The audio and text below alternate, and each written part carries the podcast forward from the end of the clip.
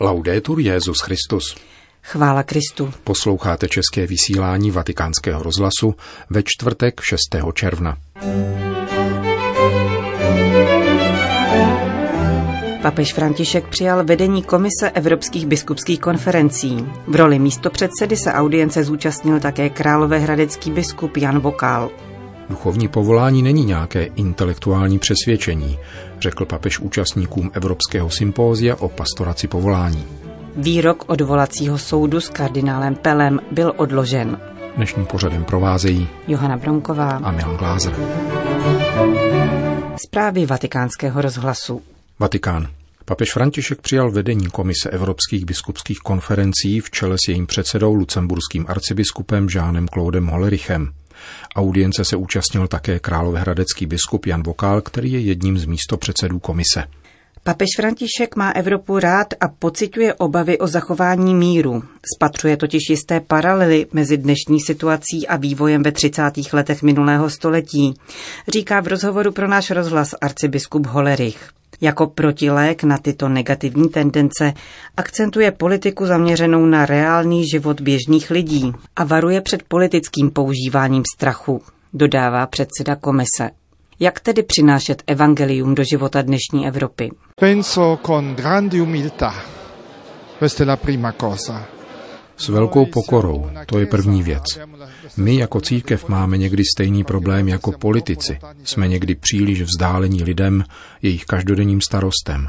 Musíme být daleko pokornější a daleko bližší člověku. Jsou tu však určitá hnutí obnovy, která jsou vynikající. Spojíme-li jejich činnost s tím, co papež zdůrazňuje, tedy s péčí o chudé, věřím, že se dočkáme obrody Evropy. Allora penso avremo una rinascita della Chiesa in Europa. Říká arcibiskup Jean-Claude Hollerich. Královéhradecký biskup Jan Vokál poukázal na papežův postoj pokorného naslouchání. Být v blízkosti Petrova nástupce je pro mne osobně vždy duchovním cvičením, přiznal pro mikrofony vatikánského rozhlasu. S Františkem mluvil o přípravách Eucharistického kongresu, který se bude konat v září příštího roku v Budapešti. S nunciem, apoštolským nunciem, monsignorem Lebupen, jsem zmínil jednu skutečnost, která mě leží na srdci. Já jsem totiž člen komise, která připravuje Mezinárodní eucharistické kongresy ten příští Mezinárodní eucharistický kongres bude v Budapešti, což je v září roku 20, což je takové srdce Evropy, podobně jako Česká republika tak nám leží na srdci velice moc, a to jsem zmínil před svatým otcem, aby tato skutečnost byla krásně prožitá všemi křesťany v Evropě, východu, středu a západu. Abychom ukázali, že máme jednu víru v jednoho Krista, v jednu Eucharistii, ale zároveň, abychom my jednotní byli otevřeni celému světu. Rozhovor papeže Františka s vedením Komise Evropských biskupských konferencí se dotkl celé řady aktuálních témat, mimo jiné nadcházející synody pro Amazonii. Papež při té příležitosti zdůraznil, že jeho hlavním tématem nebudou změny v církevních předpisech, nýbrž především integrální ekologie člověka, jejíž rozvoj je zásadní pro budoucnost celého lidstva, uvedl monsignor Holerich. Vatikán. Římský biskup přijal účastníky Evropského sympózia o povoláních k duchovenskému stavu a zasvěcenému životu, navazujícího na loňskou synodu o mládeži, víře a rozlišování povolání a zejména na vydání postsynodální apoštolské exhortace Christus vývit, o níž reflektovali. Přibližně 80 biskupů a kněží, kteří jsou při biskupských konferencích jednotlivých evropských zemí pověřeni touto pastorací, oslovil papež František. Kromě připraveného textu, který jim předal, mimo jiné z Patra řekl. Když je řeč o povoláních, napadá mne spousta věcí, o kterých by se mohlo mluvit. Chtěl bych však především říci, že pastorační péče o povolání nesmí být prozelitismem, přetahováním na způsob náboru nových členů klubu. Musí se vždycky řídit tím, co o růstu církve řekl Benedikt XVI. v Aparesidě, že totiž církev přitahuje, nikoli přetahuje.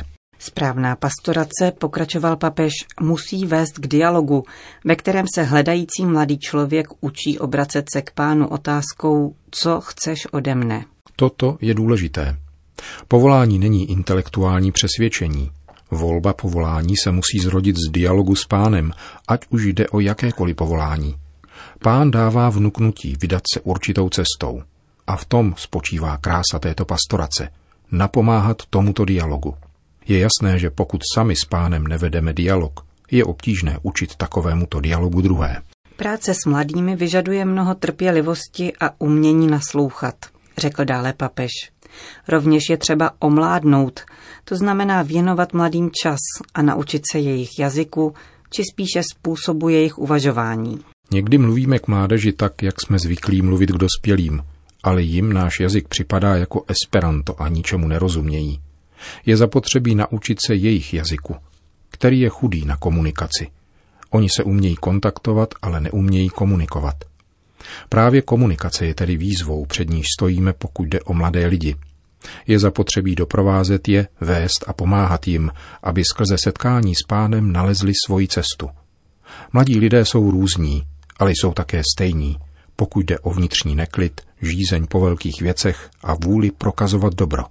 V tom jsou stejní. Jsou různí i stejní. Řekl mimo jiné papež František na setkání se zástupci biskupských konferencí evropských zemí, kteří se sjeli do Říma, aby mluvili o pastoraci povolání. Austrálie. Případ kardinála Pela projednávaný na dvoudenním stání odvolacího soudu v Melbourne neskončil ani dnes definitivním výrokem. Tři soudci pověření tímto případem si vyžádali čas na proskoumání důkazního materiálu různých fází procesu. Pokud rozhodnou, že verdikt první instance na 6 let odnětí svobody za údajný sexuální delikt, vynesený loni v prosinci, není podložen důkazy, bude Pel propuštěn. Pokud rozhodnou, že došlo k procesním chybám, bude nezbytné konat nový proces a kardinál Pel může být mezitím propuštěn na kauci. V každém případě však může být případ postoupen k nejvyššímu soudu. Bývalý prefekt ekonomického sekretariátu svatého stolce 78-letý australský kardinál George Pell byl porotou v prvním instant byl porotou v první instanci uznán vinným ze sexuálního zneužití dvou členů chlapeckého sboru v letech 1996-97 na základě obvinění jednoho z nich.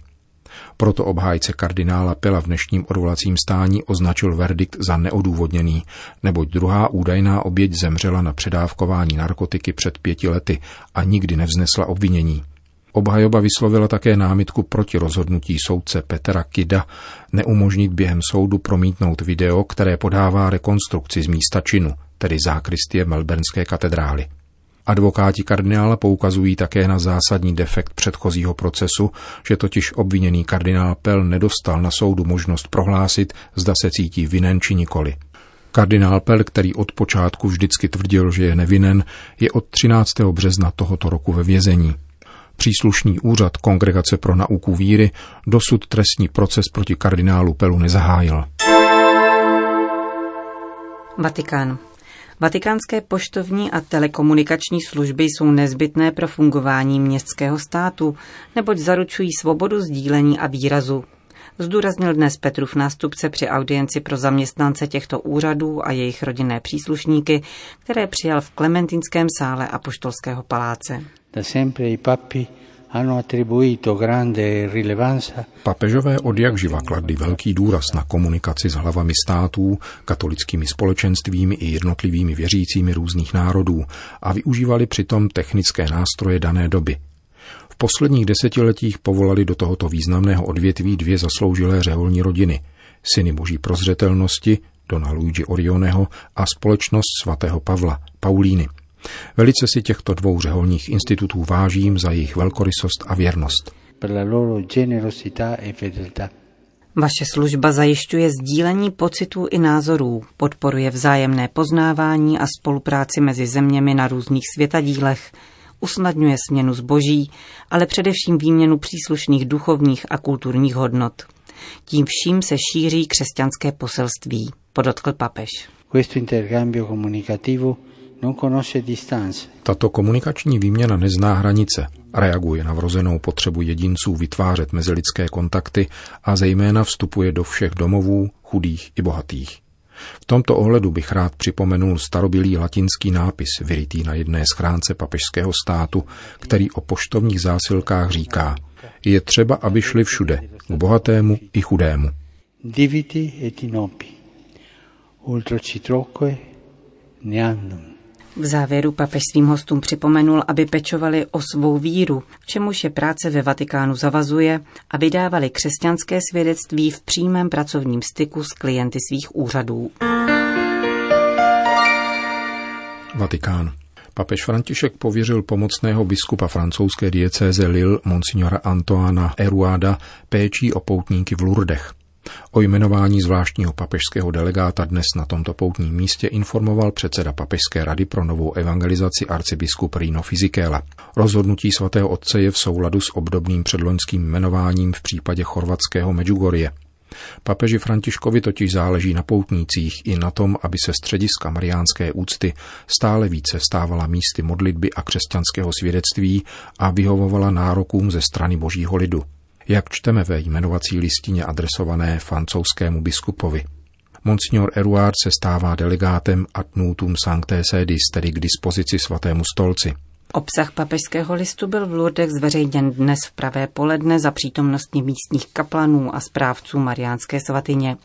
Vyplývá z něj, že arcibiskup Fizikela, jehož úřad papež před dvěma lety zmocnil k dohledu nad pastorací na poutních místech, v několika minulých měsících působil jako papežský vyslanec v Lourdech. V důsledku přeskoumání, které Fizikela provedl, píše papež, bych rád pochopil, jaké další formy pastorace by svatyně v Lourdech mohla zavést, kromě již mnoha existujících. Mandát biskupa Eruada, který nebyl uvolněn ze svého úřadu v Lille, se omezuje pouze na poutní místo a nezasahuje do pravomocí diecezního biskupa. Na rozdíl od jmenování medjugorského delegáta Monsignora Hosera, které bylo stanoveno na dobu neurčitou, se v lurdském případě jedná o časově omezené pověření. Papežský delegát se má v Lourdech věnovat především duchovní a pastorační péči o poutníky, která, jak papež v listě zdůrazňuje, někdy pozbývá prvenství, protože se podléhá pokušení administrativního a finančního řízení mariánských svatyní. Vatikán. Kondolenční telegram k úmrtí emeritního předsedy Papežské akademie pro život kardinála Elias Greči adresoval papež František do rukou jeho neteře profesorky Palmis Greča. Vyjadřuje v něm soustrast všem příbuzným zesnulého kardinála a těm, kdo si jej vážili. S vděčností připomínám jeho velkorysou službu církvy, zejména vzácné a svědomité dílo na obranu základní hodnoty lidského života, prostřednictvím zevrubné studijní, formační a evangelizační činnosti. Čteme v papežském telegramu. Na závěr František ujišťuje o svých modlitbách za to, aby pán přijal tohoto horlivého služebníka Evangelia do radosti a svého věčného míru a připojuje požehnání pro ty, kdo jsou jeho odchodem zarmouceni. Pohřební obřady kardinála Elias Greči proběhnou v pátek 7. června při oltáři katedry ve vatikánské bazilice. Předsedat bude kardinál Giovanni Battista Re, viceděkan kardinálského kolegia. V závěru obřadů, jak je zvykem při pohřbech kardinálů římské kurie, papež František povede obřad posledního rozloučení. Vatikán. K modlitbám za kněze vybízí papež František v krátkém videoposelství provázejícím červnový úmysl celosvětové sítě modliteb s papežem. Svatý otec děkuje za svědectví kněží, kteří se vydávají do posledního dechu a připomíná jejich úkol podporovat nejchudší. Quiero pedirles que dirijan su mirada a los sacerdotes que trabajan en nuestras comunidades. Chtěl bych vás požádat, abyste obrátili pohled ke kněžím, kteří pracují v našich komunitách. Ne každý je dokonalý, ale mnozí se nasazují až do posledního dechu a obětují se v pokoře a s radostí. Jsou to kněží blízcí lidem, připraveni tvrdě pracovat pro všechny. Zdejme díky za jejich příklad a svědectví. Modleme se za kněze, aby se ve střídmosti a pokoře života angažovali v aktivní solidaritě, zejména vůči nejchudším. Para que con la sobriedad y la humildad de sus vidas se comprometan en una solidaridad activa, sobre todo hacia los más pobres.